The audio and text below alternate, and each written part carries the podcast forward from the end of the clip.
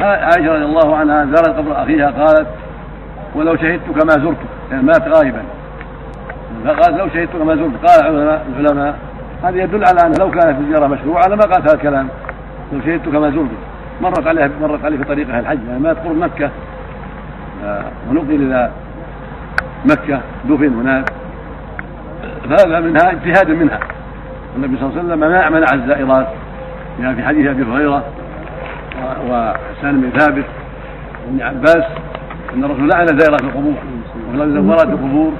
فأخذ العلماء من ذلك منع زيارات القبور وأنهن لا يزورنها لأنهن فتنة وصبرهن قليل.